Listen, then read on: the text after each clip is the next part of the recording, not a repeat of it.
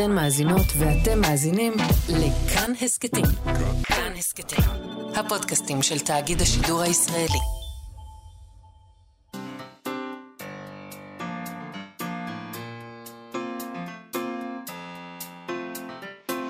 מה שכרוך. עם יובל אביבי ומה יעשה לה.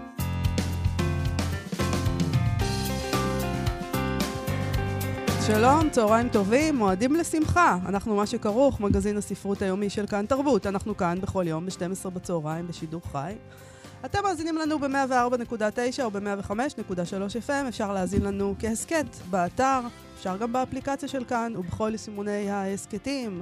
איתנו באולפן איתי אשת על ההפקה, שלומי יצחק על הביצוע הטכני. שלום לכם ושלום יובל אביבי. שלום מאיה סלע. 40 אלף שקל בתיק. Mm. שמעת את החדשות? שנינו כזה נדלקנו, ואני עוד הייתי אתמול בנמל התעופה, אז אמרתי לעצמי, היית בנמל למה את לא התעופה אתמול? מסתכלת... כן, מה? הייתי אתמול בנמל התעופה. טסת לך? לא טסתי לשום מקום.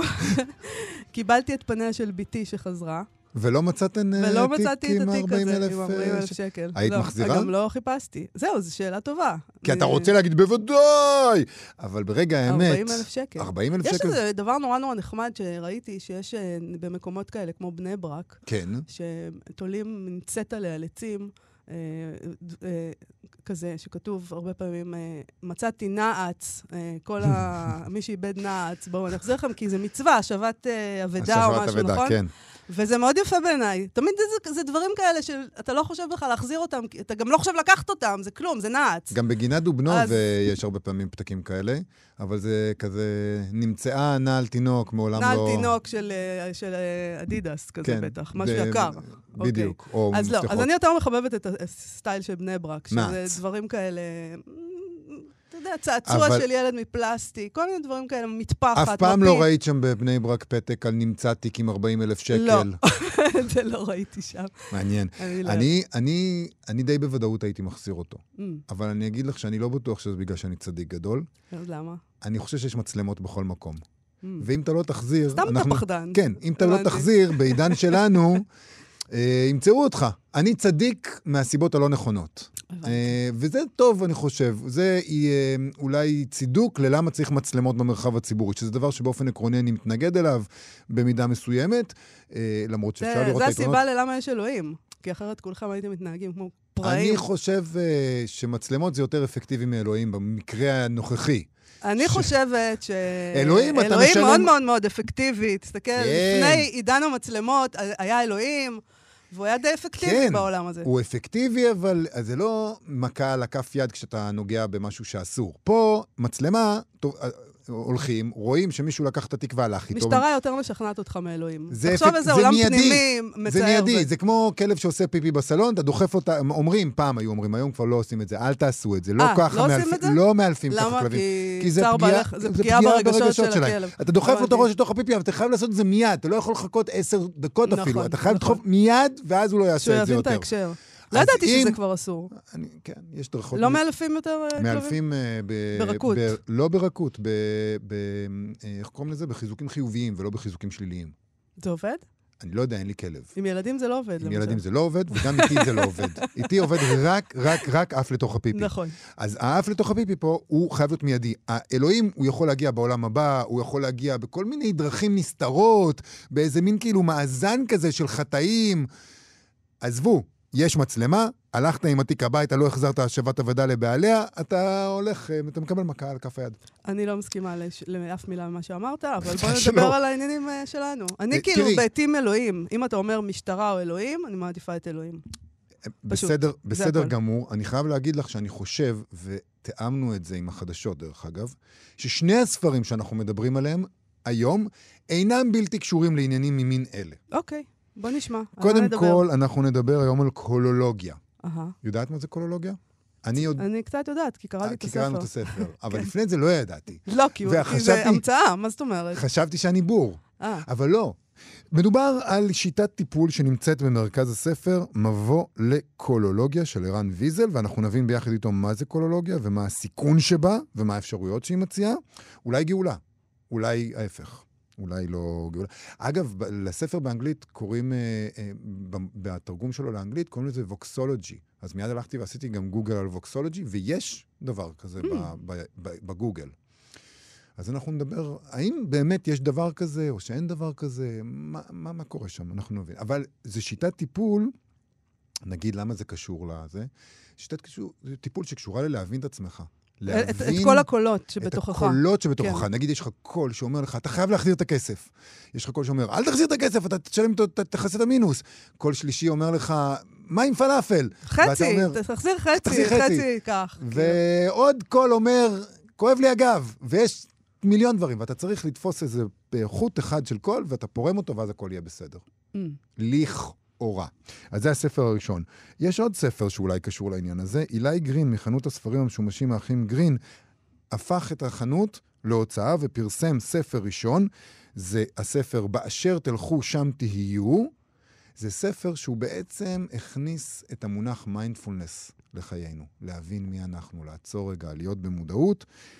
אבל מה שעוד יותר מעניין בקשר לספר הזה, זה שזה ספר שאזל בשוק שנים כבר. מאות אנשים מחפשים אותו בחנויות הספרים המשומשים ולא מוצאים, כי אין, אין, הוא אזל. אז אילי גרין זיהה את ההזדמנות ואמר, נוציא אותו מחדש, שזה יוזמה, זה ראש עסקי מדהים. אני לא הייתי עולה על זה. בעיניי. למה זה ראש עסקי מדהים? זה די מתבקש. הבן אדם יושב בחנות ספרים, זאת אומרת, כל הכבוד לו, אבל הוא יושב בחנות ספרים משומשים. יודע הוא רואה למה יש חסר. ביקוש, הוא רואה מה לא מוציאים שוב, הוא אומר לעצמו, וואלה, כמה, בוא נוציא את זה, זה די מתבקש. כמה אנשים יש כאלה בארץ, ואף אחד מהם לא הוציא את הספר הזה. נכון. אז זה לא אני היחיד שלא, שלא עושה את המתבקש. Mm. בואי נדבר לפני כן, דיברנו על העיזבון של מאיר ויזלטר שעומד להימכר במכירה פומבית, והצטערנו. אבל לא רק אצלנו זה ככה. אנחנו יכולים להתנחם שבכל העולם זה ככה. נכון. Uh, למשל בגרדיאן, נכון? הם מדווחים על מכירה פומבית של שלל פריטים מהעיזבון של הסופר האמריקאי הגדול, ג'ון סטיינבק, מחבר הקלאסיקות על עכברים ואנשים, ענבי זעם, קדמת עדן, uh, מסעותיי עם צ'ארלי, והם למשל עומדים למכור שם חתיכת נייר מהטיוטה הראשונה של על עכברים ואנשים. ו- למה, ולמה חתיכת למה נייר? חתיכת נייר? כי מתברר שבמקרה הזה, הדבר הזה, הכלב אכל לי את המחברת, התירוץ הזה, כן. זה תיאור מדויק של מה שקרה פה. אה, סטיינבק כתב לעורך שלו ב-1936 ככה: טרגדיה קטנה. הכלב שלי נשאר לבד לילה אחד, והפך את כתב היד שלי לקונפטי. חודשיים של עבודה. לא הייתה טיוטה אחרת. זה פעם שאנשים עוד אה, הדפיסו במכונת כתיבה, ומה שהם הדפיסו זה מה שהיה, לא כן. היה עוד עותק. מטורף. לפעמים טוב שכך, שאין עוד עותקים ממה שאתה כותב. זה מה שהוא חשב. זה ממש כאילו, לפעמים זה יתרון גדול. זה מה שהוא אה, חשב. אז הוא כתב במכתב הזה לעורך שלו על הכלב, אה, אולי החבר הקטן פעל מתוך ביקורת. אני לא בטוח שהספר כל כך טוב. קידמתי אותו לדרגת סגן אלוף לענייני ספרות. את רואה, זה חיזוק חיובי. גם זה קשור, כמובן, הכל קשור. הוא לא דחף לו את האף לתוך הערימות של הנייר ו... וזה. אני לא יודעת אם את זה הכלב היה מבין. הוא קידם אותו לדרגת סגן אלוף. אה, חלק מהקונפטי הזה, כאמור, עומד להימכר. מי שמוכר את הפריטים האלה הם בני המשפחה של אחותו של סטיינבק. בגרדיאן מציינים שבפתקה הקטנה הזאת, יש לנו צילום של הפתקה הזאת, זה, זה צטלה. צטלה. צטלה קטנה מילה קרועה. אהובה. מהמם. מ- צטלה קטן. מספיק. פתק. למה, מה מיוחד בה? ששמות שתי הדמויות של הספר, לני וג'ורג', מוזכרות בחתיכה הזאת, וככה זה... ככה אנחנו יודעים שזה זה זה. גושפנקה. אה, עוד דברים אה, שנמכרים במכירה הזאת, היומן של סטיינבק, שמתחיל כך, תרגום חופשי שלנו, אני לא חושב שמישהו שנא שנה כמו שאני שנאתי את שנת 1948. ותן לי להגיד לך, סטיינבי, יש כמה שנים שאנחנו אה, שונאים אולי לא פחות ממה שאתה שנאת את 1948, אבל היה לו צידוק, הוא כותב שם ככה, אישה, ילדים, חברי הטוב, כולם הלכו. זו שנה לא קלה. אה, הוא אומר, אולי זה חיזק אותי, אני מקווה כך. זה היומן שלו. ביומן הזה הוא כותב על הגירושים מאשתו השנייה ועל מותו של חברו הטוב ביותר. ובנוסף לכל הדברים הספרותיים האלה, מוכרים שם חרב. הוא נתן חרב לאחותו, לאותה אחות שמשפחתה מוכרת תראה את זה. מה זה, אנחנו כל החיים שלנו אוגרים כל מיני דברים, ויש לנו כל מיני דברים שחשובים לנו, ויש לנו סנטימנטים אליהם, ויומן, וחרב, וכל מיני שטויות, ובסוף, זה מה שקורה. אבל את יודעת, חשבתי על זה גם בהקשר של אה, ויזלטיר. ויזלטיר אמר, מה אנחנו השמענו את זה כאן, אני מעדיף שהארכיון ירקב מאשר לתת אותו בחינם. מהמם. והנה, קורה מה שהוא רצה. נכון. הוא לא ניתן בחינם. נכון. לא בהרבה כסף, אבל לא בחינם. לא, לא, זה ממש לא- הצוואה שלו. כן. אה, אבל זה, הוא לא אמר את זה בחדווה, באיזה לא. אתה מבין? לא, אפרופו היה- הספרייה הלאומית, שאנחנו מתעסקים המון הוא היה רוצה שמישהו יקנה. בסמליל של הספרייה הלאומית. היית מצפה שהספרייה הלאומית אה, תתעסק, במקום בסמלילים, במהות של למשל לקנות את כל הארכיון של ויזלטר. נכון. טוב, בכל אופן, לגבי סטיינבק, מוכרים שם גם את הטיוטה המקורית של הרומן הראשון שלו, Cup of Gold, שכוללת הערות רבות שכתב קורא, שאנחנו לא יודעים מי הוא, זהות שלו לא ידועה, ויש שם גם תיקונים של סטיינבק עצמו. זה אמור להימכר אה, ב-150 אלף דולר. תבין את המחירים. לא 200 דולר מחיר פתיחה. 150 אלף דולר, בעוד שתכתובת בין סטיינבק למשפחתו תימכר, לפי הערכות כמובן, בסכום של בין אה, 200 אלף ל-250 כן. אלף דולר. כן. אה, שזה, כמו שאמרת, לא כמו 200 דולר על פסלון פרס ישראל של ויזל. אני חושב שאנחנו צריכים אה, לשלם יותר עבור הפסלון של ויזלטיר פשוט. מי זה אנחנו? לא הבנתי. הציבור. הציבור? הציבור. אז בבקשה, יובל, תכניס את היד שלך לכיס ותשלם. אין שום בעיה, אין לנו אין לי שום 250 אלף דולר. התנגדות. אמרת יותר. אם הייתי יותר מוצא, מ-200 דולר זה גם 300 דולר. אם. הייתי מוצא את התיק באוטובוס, אני חושבת שבין הדברים שנמכרים שם, פרס ישראל אה, זה הדבר הכי פחות מעניין בהקשר של ויזלטיר. אבל הרישומים אה, שלו. יש שם רישומים שהוא עשה, ויש... אה, זה, זה הדברים שלו. המעניינים. אה. אבל זה- מה, זה מישהו ישלם על זה 250 אלף דולר? על הרישומים? 250 אלף דולר בכל מקרה זה דבר מופרך. התשלום הזה של 250 אלף דולר זה לא בגלל שלמישהו אכפת מסטיינבק או מספרות. זה בגלל שכל מיני אנשים עשירים, זה אפיקי השקעה, כמו שיש אנשים שקונים אומנות, זה בסך הכל השקעה. אה, אתה לא צריך להיות כזה תמים. עכשיו, אוי, 250 אלף דולר, נורא חשוב להם סטיינבק. לא, זה. לא הסיפור פה. את חושבת... אני, אני חושב שיש אנשים שפשוט רוצים שיהיה להם את הדבר הזה בבית, שהם. אספנים. מהמם. את חושבת שבעוד עשר שנים זה יהיה שווה 350 אלף כן, דולר? אני חושבת שהם חושבים שזה יהיה שווה יותר. אני לא יודעת מה. יכול להיות שתהיה להם שריפה בבית והכל יישרף, יעלה בעשן. אבל אתה יודע, לפעמים אתה, מצ... אתה קצת מקווה לזה, נכון? שמישהו כבר ישרוף את הכל, את כל האספנות הזאת. ונתחיל מחדש. נתחיל כי לאסוף מעפר אתה מחדש. ולעפר תשוב, מה זאת אומרת? זה החיים.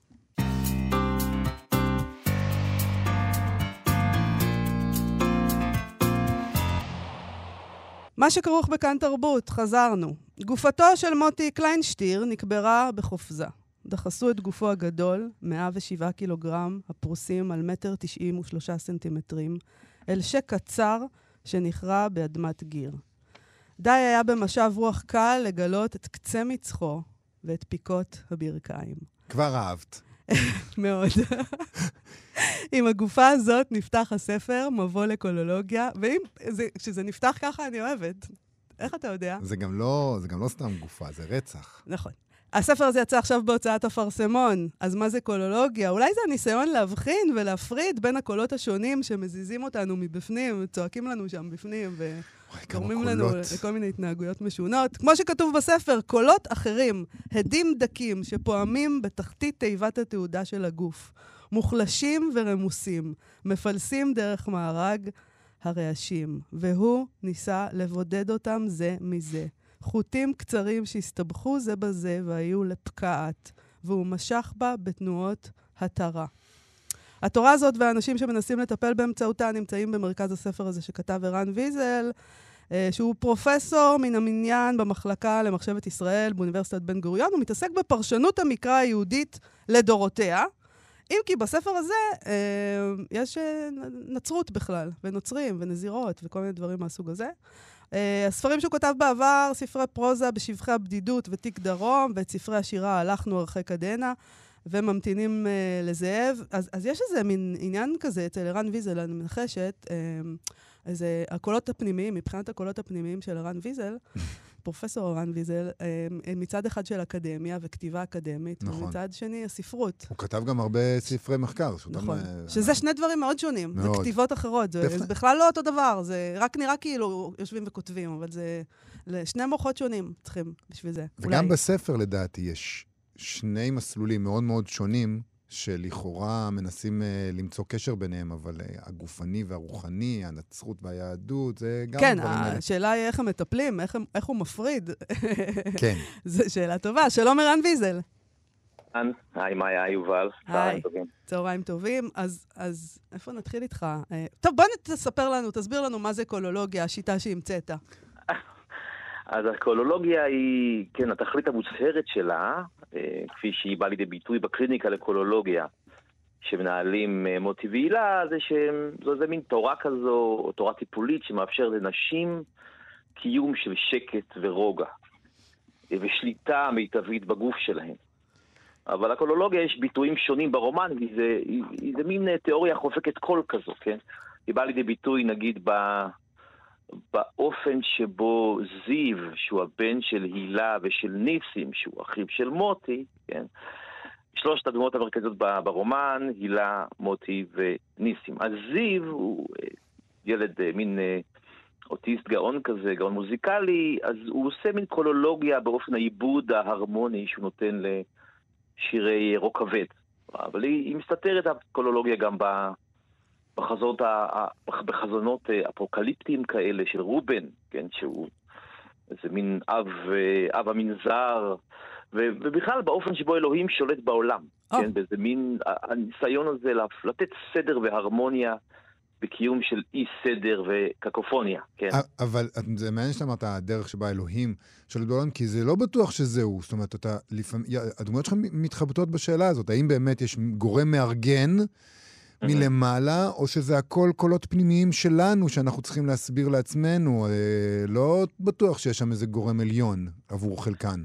אז, אז זהו, בעצם זה, יש שתי דמויות שזה ברור להם לגמרי שיש אה, גורם עליון שמכוון את הכל. הראשון זה רובן, שהוא, יש לו מין חזונות אפוקליפטיים כאלה, ו, ונאומים אה, תיאולוגיים אה, נמלצים ומופרכים, שכמובן בסוף מסתבר שכל מה שהוא אומר מתגשם באיזשהו אופן עקום. והדמות השנייה זה הדמות של המספר, זה מין מספר כל יודע, אבל הוא לא לגמרי מהימן. והתחושה היא שהוא לגמרי שותף בתפיסות התיאולוגיות אה, הכל כך זרות שמציג רובן. שזה אתה בעצם? אה, לא, לא, זה ממש לא אני. אני, כן, אה, חילוני, כן, כמה שאדם שיש לו חרדות קיומיות יכול להיות חילוני, אבל מה שכן יש ברומן זה מין דמויות משנה כאלה, שהן במידה מסוימת חותרות, הן בעצם יש איזושהי מין ברית, כן, קורצות איזושהי ברית כזה עם הקורא מעל לראשו של המספר. ומאפשרות איזה מין אה, מבט טיפה יותר אה, חד ובהיר לגבי הקולולוגיה, כן? אז נגיד זה חמיד, השומר הערבי, שבעצם פה ושם בכמה משפטים אומר איזה מין אמת ברורה מאליה לגבי כל מה שקורה שם במנזר, כן? אה, או כמובן עופרה, כשהיא, כן, מין דמות כזו, שברגע שהיא נכנסת לעלילה, אז הקול שמקבל איזה מין... כן, הגלגלים נעים באיזה אופן ככה מהיר כזה. אה, היא בשניים שלושה משפטים בעצם חושפת את כל האמת שעומדת מתחת לתיאוריה הניו אייג'ית הזו, כן, מיניות קולולוגית. וגם זיו במידה מסוימת, כי זה מין ישו מקולקל כזה, בעצם המהות שלו והדברים שהוא עושה והדברים שהוא רואה, גם הוא מפענח איזושהי אמת שהמספר עצמו לא מודע לה, כן? אני רוצה לדעת, להבין, למה אדם שהמומחיות האקדמית שלו היא פרשנות המקרא היהודית, אה, מתעסק אה, בנצרות בכלל בספר הזה? למה לא כן, ביהדות? כן. אז האמת היא שיש, יש, נגיד, שתיים, שלוש סיבות עיקריות, כן?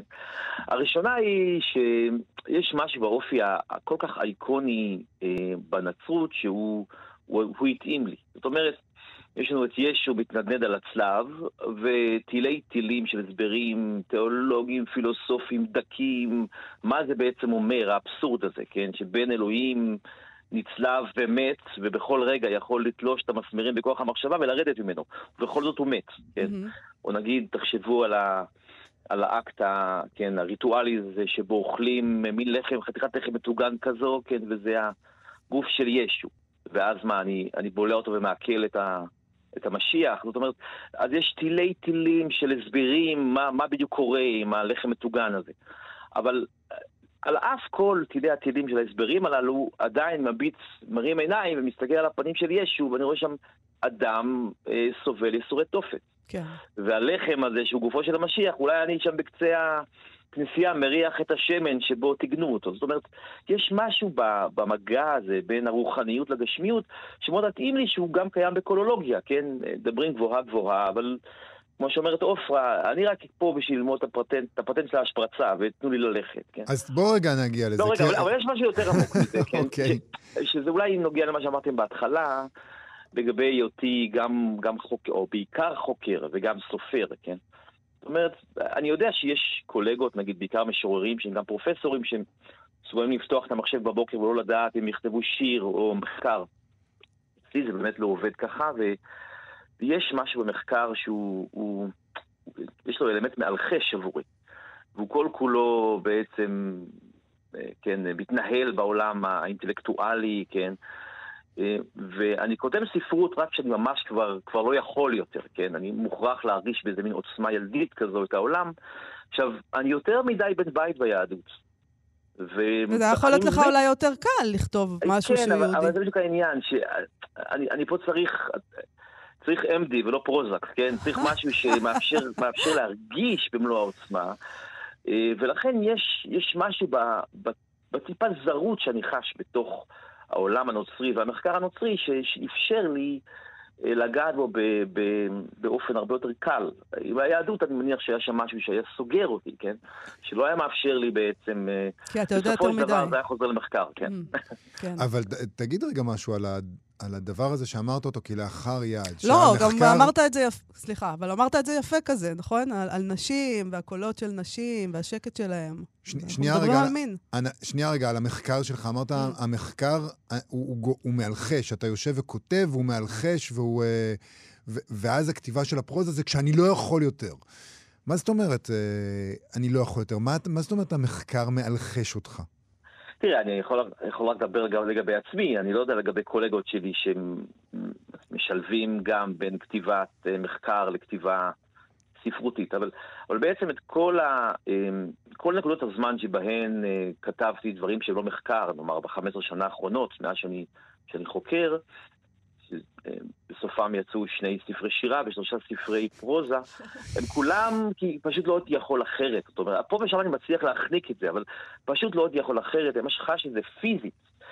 שיש, אני, אני קם בבוקר ויוצא החוצה, והעולם נחווה אצלי באופן אחר, רגיש יותר, אני מתרגש מעץ, אני נפעם משיר ברדיו, והאופן שבו אני חווה אה, את החיים שלי, אה, הוא כל כך עוצמתי שאני, הדרך היחידה כנראה לטפל בו זה על ידי כתיבה אחרת, שהיא לא כתיבה, לא כתיבה אה, מחקרית. הכתיבה המחקרית אצלי היא, היא, היא משהו שנע בין, בין מעשה אינטלקטואלי לשעשוע. זאת אומרת, וגם, זה גם מאוד נוח אין אקסטזה היהודי. שם, אתה אומר, אין שם פורקן, אין שם את, המקום, את, את הגבהים האלה.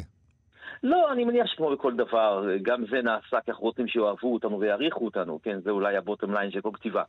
אבל, אבל, אבל לא, אין, אין, שם, אין שם רגש, אין לי שום, שום רגש או שום התייחסות רגשית לגבי החכמים שחודשים שלמים הקדשתי בלנתח את הכתבים שלהם. אני, אני מבחינתי, אם אני אתעורר בבוקר וגלוי שלא יודע מה, ספר ויקרא, החליטו להוציא אותו מהתורה, אז אה, אני לא חושב שזה... שאני אצטער באופן עמוק, כן? או יתגלו שכל כתבי קומראן זה בעצם זיוף, זה, זה ירתק אותי, גם אם דברים שכתבתי בעצם לא היו שווים כלום. אני, אני לא, אין, אין שם משהו רגשי עמוק שבעצם מחבר אותי אה, אה, לחומרים האלה, אף על פי שיש בזה איזה מין... אה, אולי משהו מוזר, אה, שאדם שמקדיש את חייו. מאוד מוזר, זה, פרופסור ויזל, מאוד. מוזר. אני זוכר שפעם שאלה אותי איזה פרופסורית, תגיד, איך אתה אמ, אמ, מדמיין את רש"י? כן, כתבתי איזשהו ספר על רש"י, והייתי צריך, אה, לא העזתי לומר לה שהאמת היא שבחיים שלי לא עצרתי לחשוב בכלל איך האיש הזה נראה, והאמת היא שאפילו לא עצרתי לחשוב על הדמות הזו, כן, מעבר למילים שהדברים שהיא כתבה אמ, אה, לבשו. זאת אומרת, יש באמת נתק מאוד מאוד גדול בין עולם הרגש אצלי ל... לעולם המחקר. תגיד, לא עושים לך פרצופים באקדמיה? בדרך כלל הם לא אוהבים אה, סופרים אצלם. אז זהו, אז האמת היא ש... קודם כל גם צריך לומר שהתנועה הזו בין מחקר לספרות היא, היא לא... עבורי היא לא, היא לא לגמרי ברכה, כן? גם יש שם אולי כאב, זה מוג... האמת שכן, יש שם, יש שם איזשהו אלמנט של כאב, כן? כי מרוב שאני חש בבית בשני העולמות, אני בעצם זר גם פה וגם פה, במובן העמוק של הדברים, ולא לגמרי חש, אה, הייתי אומר, אה, כן, בן בית אמיתי באחד מהם. כן, וכל פעם שאני כותב משהו, אני, אני מרגיש שזה בעצם, אולי הייתי אמור לכתוב דברים אחרים בעולם אחר. אני יושב בכנס אקדמי ואני, כן, אה, קורא באינטרנט שיש איזה כנס ספרותי ואני חש שהייתי צריך להיות שם. Mm. וכשאני שם, אני מרגיש שאני בכלל לא מבין מה אני עושה שם ואני לא ב... אתה חי בפומו תמידי, fear of missing out. האמת היא שכן, אני בהחלט חושב שאיזושהי הגדרה, וגם שעון החול הזה, ש, ש, כן, ש, שהולך ואוזל, כשאני כבר בת 50, אז כמה עוד נשאר לי בעצם לכתוב. הוא רק מעצים את תחושת ה... כן... 70 אה, שנה נשאר לך, זה בסדר, אפשר לכתוב כן, הרבה ספרים. בוא נחזור לנקודה ההיא שמאיה גם רצתה אה, לחזור אליה, והזכרת אותה כלאחר יד. אמרת, דיברת על הנצרות. כמקום המפגש הזה בין הגשמי, המאוד מאוד גשמי הגופני, לבין הרוחני, וגם בקולולוגיה אמרת את זה, שזה קשור למיניות ולשפיכה הנשית, ו, ובעצם מה שקורה שם הוא אסור. זאת אומרת, הקולולוגיה אמורה להיות נטולת מגע, וקורה שם משהו אסור, נהיה מגע מאוד מאוד רציני במקום הזה, וזה הופך להיות ממקום של התרה של הקולות הפנימיים לטובת שלוות נפש, זה הופך לטיפול מאוד מאוד מיני. כן, זה אולי מיני, מיני אולי ופלילי, כן. כן, ו, ו, לגמרי נכון, פלילי. כן, ו, ויש, ושוב, זו התנועה הזו, ש, כן, שיש, שאפשר למצוא בדת הנוצרית, אבל למעשה בכל דת, כן, אני מניח. כן. הקלות שבה אתה, אתה, אתה, אין איזה קווי גבול ברורים לגמרי בין הרגע שהדברים משכנעים ועובדים לרגע שבו נדרש לך איזשהו אה, אלמנט של רצון טוב, כן? ו- ובחירה בעיוורון, כן, עיוורון מתוך רצון. וגם הדבר הזה קם בקולולוגיה, זאת אומרת, אה, האם באמת אפשר להגיע לשליטה מלאה בגוף, כן, ולשפיכה נשית בלי מגע? התחושה היא ש- שלא באמת אפשר, כן? האם באמת יש הסבר משכנע ללחם מטוגן הזה, כן, שהוא בשרו של המשיח, שבולעים אותו ו... אה, חלקיק שני רגע לפני הבליעה הוא הופך חזרה ללחם מטוגן, כי אחרת אני בולע ומעכל את ישו, אין באמת הסבר מניח. זה בעצם ספר מאוד אתאיסטי. אתה אומר, במידה מסוימת אפשר לפרש את הדברים כך, אין פתרון, לא בניו אייג', לא בטיפול הפסיכולוגי, לא בנצרות, לא ביהדות. אתם חושבים שיש איזה, לא בפיזיקה שמחפשת אחר משוואה אחת שתסביר את העולם. אתם מחפשים הסבר כולכם. אתם הולכים בעולם ומחפשים משמעות והסבר, ומישהו שיגיד לכם, תמשכו בחוט הזה והכל יהיה בסדר. אין. אנחנו חיים בעולם שבו לא הכל בסדר, זה לא ייפתר. אז, אז זהו, אז אני מקווה שזה לא לגמרי ספר אתאיסטי, אלא הוא דווקא יותר ספר תיאולוגי במידה רבה, כי המספר לגמרי משוכנע שהדברים באמת עובדים. זכר אלוהים בעולם, יש טביעות האצבעות של אלוהים בעולם, אנחנו לא חשים בהן, אבל מדי פעם אפשר לגלות אותן, כן, ולמתוח איזה מין חוטי זהב כאלה, הוא אומר, בין סימן לסימן. הכל זה סימנים וסימנים, אנחנו צריכים לשבת ולפענח אותם. בסופו של דבר, לדברים יש איזה מין... גלגלי היסטוריה לא נעים באופן אה, אה, אה, עצמוני כזה, כן, לשום מקום. גם השבילים מתפצלים, התחושה היא שהוא אינסופי, אבל הם כן בסופו של דבר זורמים לאיזשהו שביל אחד מסוים, למקום אחד, לנקודה אחת בזמן. נגיד, בעליית הקולולוגיה זה די ברור, כן, אותה נקודה שבה כל הדמויות כולן מוצאות עצמן ברגע אחד, במקום אחד, בזמן אחד, כן, בפנימייה, ומתרחשת איזו קטסטרופה קרנבלית כזו, כן, שבו... נזירות זורקות בקבוקי תבערה מהחלונות וכן הלאה. חלום. הדברים האלה בסופו של דבר הם, הם, הם מתגשמים והם מוכיחים שיש אלוהים בעולם. ושוב, זה פשוט יותר... פשוט, יובל אוהב את המסקנה הזאת, לא, זה פשוט... אז הוא קורא את זה ככה. לא, זה פשוט הרבה יותר מסוכן ממה שנדמה לכם, זה לא פותר לכם. זה לא, זה לא פותר שום דבר, זה שאתה לא מבין דברים, זה לא אומר שהם לא קיימים, אתה יודע. נכון, אבל, אבל הדחף הזה לנסות ולמצוא הסבר, הוא, הוא בהחלט קיים שם. נכון. שלא, כן, הוא בהחלט... אופציה אחרת זה מין חיים כאלה כמו של חמיד, כן, זה... לשבת בפישוט איברים אה, על, על, על הכיסא, בכניסה לפנימייה וחטט באף.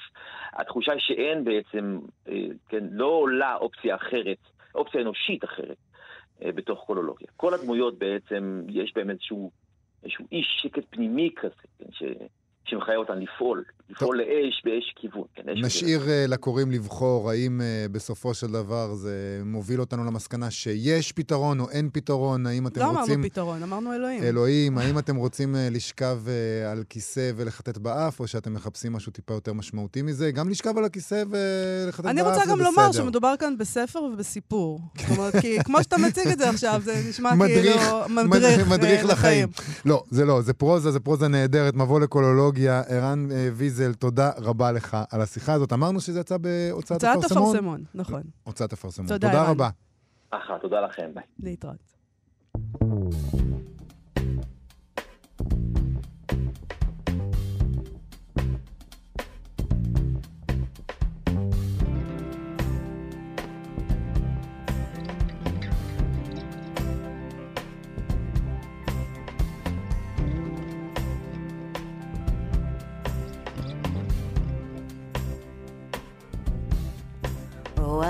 Friends have gone and my hair is grey.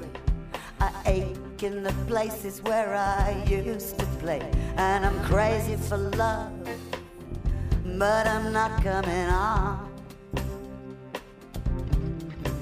I'm just paying my rent every day in the Tower of Song. I said to Hank Williams, How lonely does it get?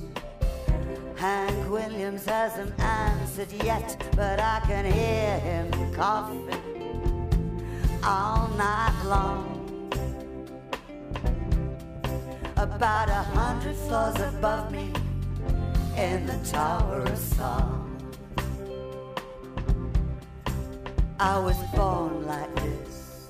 I had no choice. I was born with the gift of a golden voice and 27 angels from the great beyond.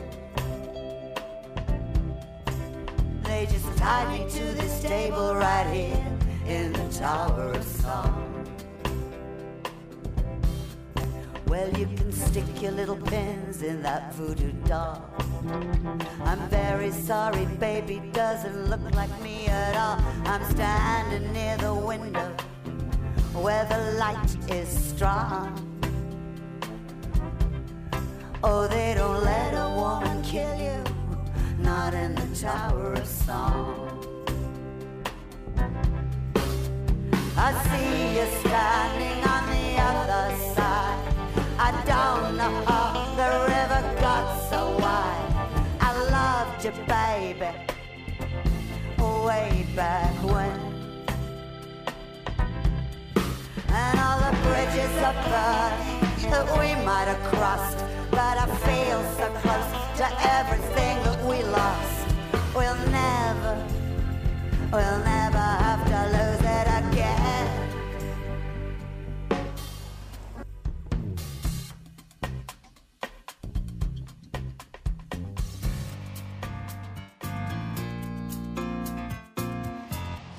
מה שכרוך בכאן תרבות חזרנו, באשר תלכו שם תהיו.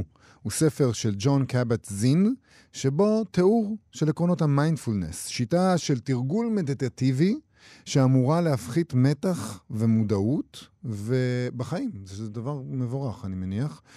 והדרכים המגוונות שבהן אה, השיטה הזאת יכולה להשפיע על חיינו. והוא יוצא עכשיו בתרגום חדש.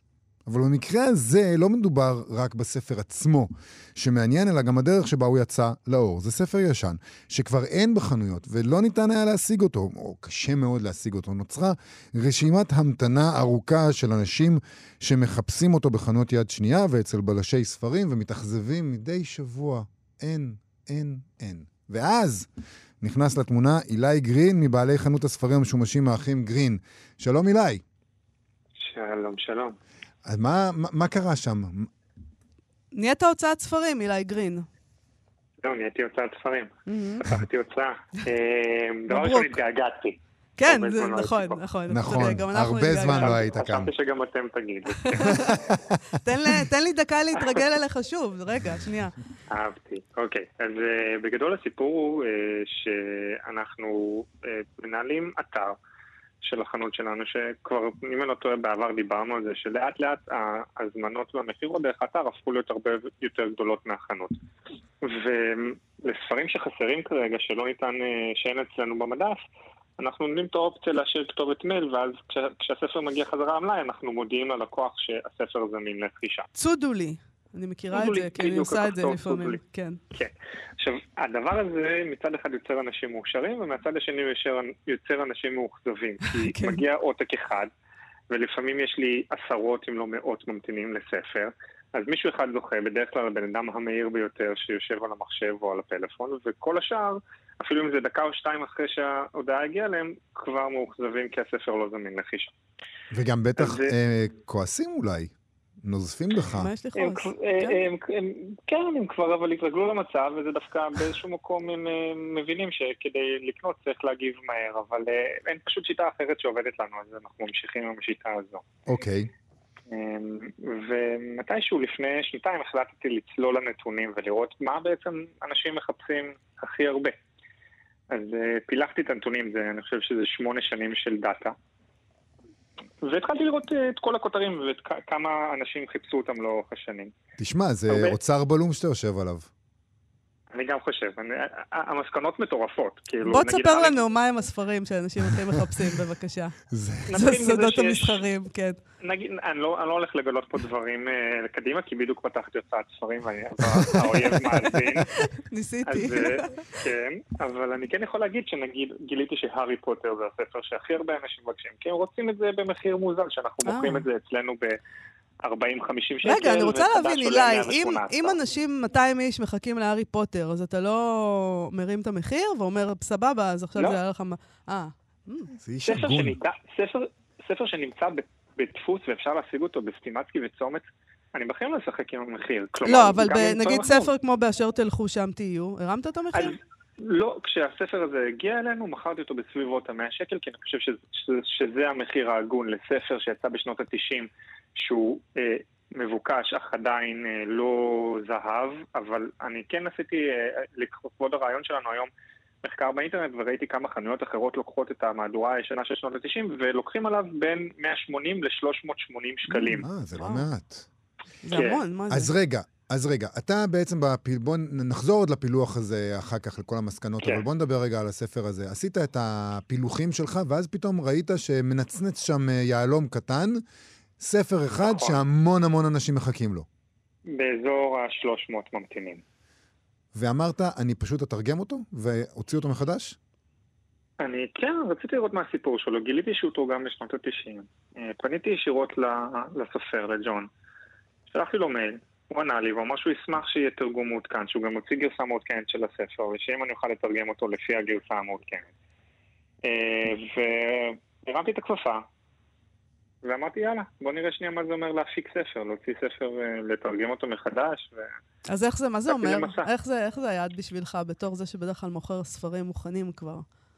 אז א', זה סופר מעניין, כי בדרך כלל אה, אני במרדף אחרי ספרים, ופה פתאום אני רודף אחרי ספר אחד ומפיק אותו, ו- ובעצם שולט בייצור שלו, שזה תהליך מאוד מאוד שונה בשבילי.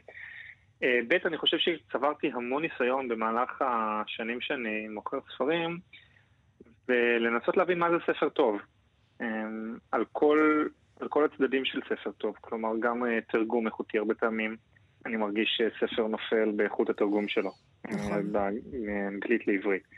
הרבה פעמים אני מרגיש שהמוצר עצמו, כלומר הדפים, הטקסט קטן מדי בפונט שלו, הכריכה לא נעימה, או העיצוב שלו לא יפה. אז ממש ניסיתי להוציא את המוצר הכי טוב שאני יודע שאפשר להוציא. ואני חושב שיצא לנו תרגום מדהים. אה, בעצם מי שתרגם את זה זה עומר קפלן, ולקחתי עריכה מדעית של מוליק גלאזר, שהוא מומחה בתחום המיינדפולנס. עבדנו על הספר הזה באזור השנה. אה, לקח לי הרבה זמן, עשיתי גם הרבה טעויות בהתחלה, אבל uh, אני חושב שבאמת יצא לנו ספר מדהים שממש אפשר uh, ללמוד לעשות מדיטציה ולתרגם uh, קשיבות ומודעות קשובה ולאנשים שאפילו לא נגעו. בתחום הזה בחיים. כלומר, אפילו מי שרוצה פעם ראשונה לגשת לנושא הזה, יכול להתחיל לקרוא את הספר הזה, והוא ממש ממש פשוט להבנה. ואתה וזה- מוכר זה- אותו רק באחים גרין, או שאתה מפיץ אותו בשאר החנויות? פנו אליי, פנו אליי בשבוע, הספר באוויר כבר שבועיים מאז שהתחלנו, אה, ופנו אליי כבר הרבה, גם חנויות אה, פרטיות אה, להוציא אותו, וגם פנו אליי הרבה מדריכי מיינדפולנס ו... וגופים שונים שיש להם כן, כי. ב nineties לא כזה התעסקנו במיינדפולנס, עכשיו זה... זה ממש זה. הזמן. כן. זה חם, לגמרי, אני מסכים. כמה מכרת כבר? אני חושב שבסביבות ה-300 פלוס. זאת אומרת, כל האנשים האלה שנדחקו לרשימת ההמתנה ו- וחיכו כל הזמן ל- ל ping של הטלפון שאומר, הגיע הספר, אה, באשר תלכו שם תהיו, הם כולם אה, קנו את זה?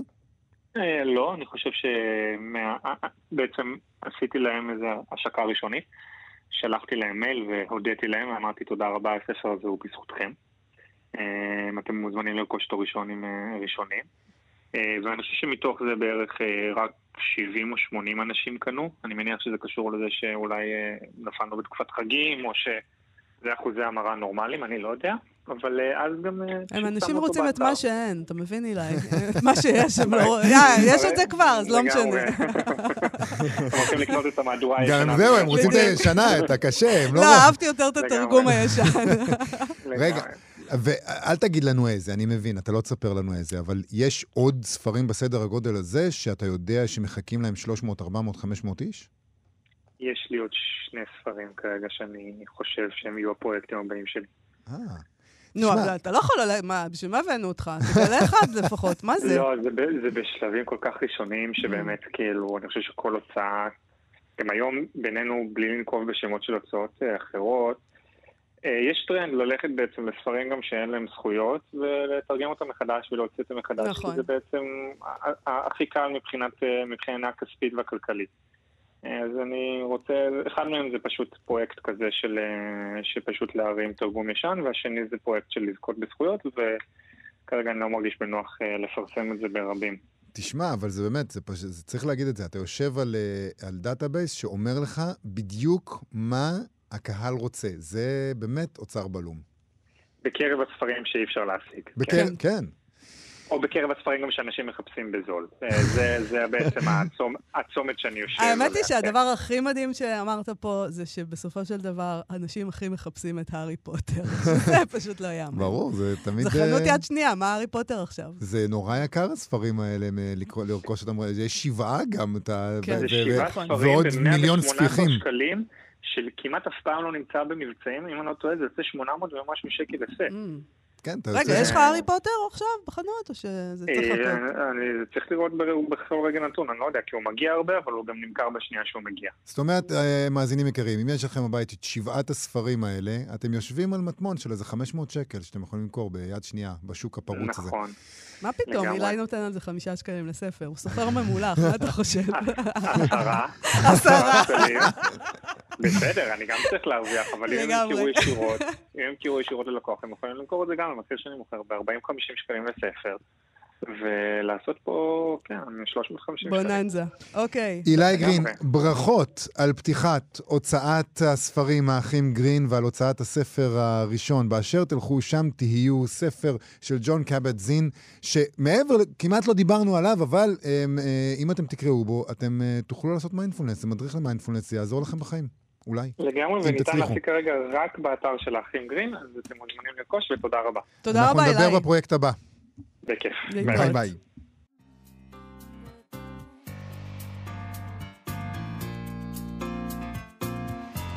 אנחנו מה שכרוך בכאן תרבות חזרנו ונסיים עם סטטוס ספרותי של הסופרת והעורכת יערה שחורי, שמתייחסת בדרכה אה, לסערת הסמליל של הספרייה הלאומית, כפי שזה, אה, איך נקרא לזה? סמליל גייט? סמליל גייט. סמליל גייט. זה יפה. כל דבר עם גייט זה יפה. הסמליל גייט. הסמליל גייט.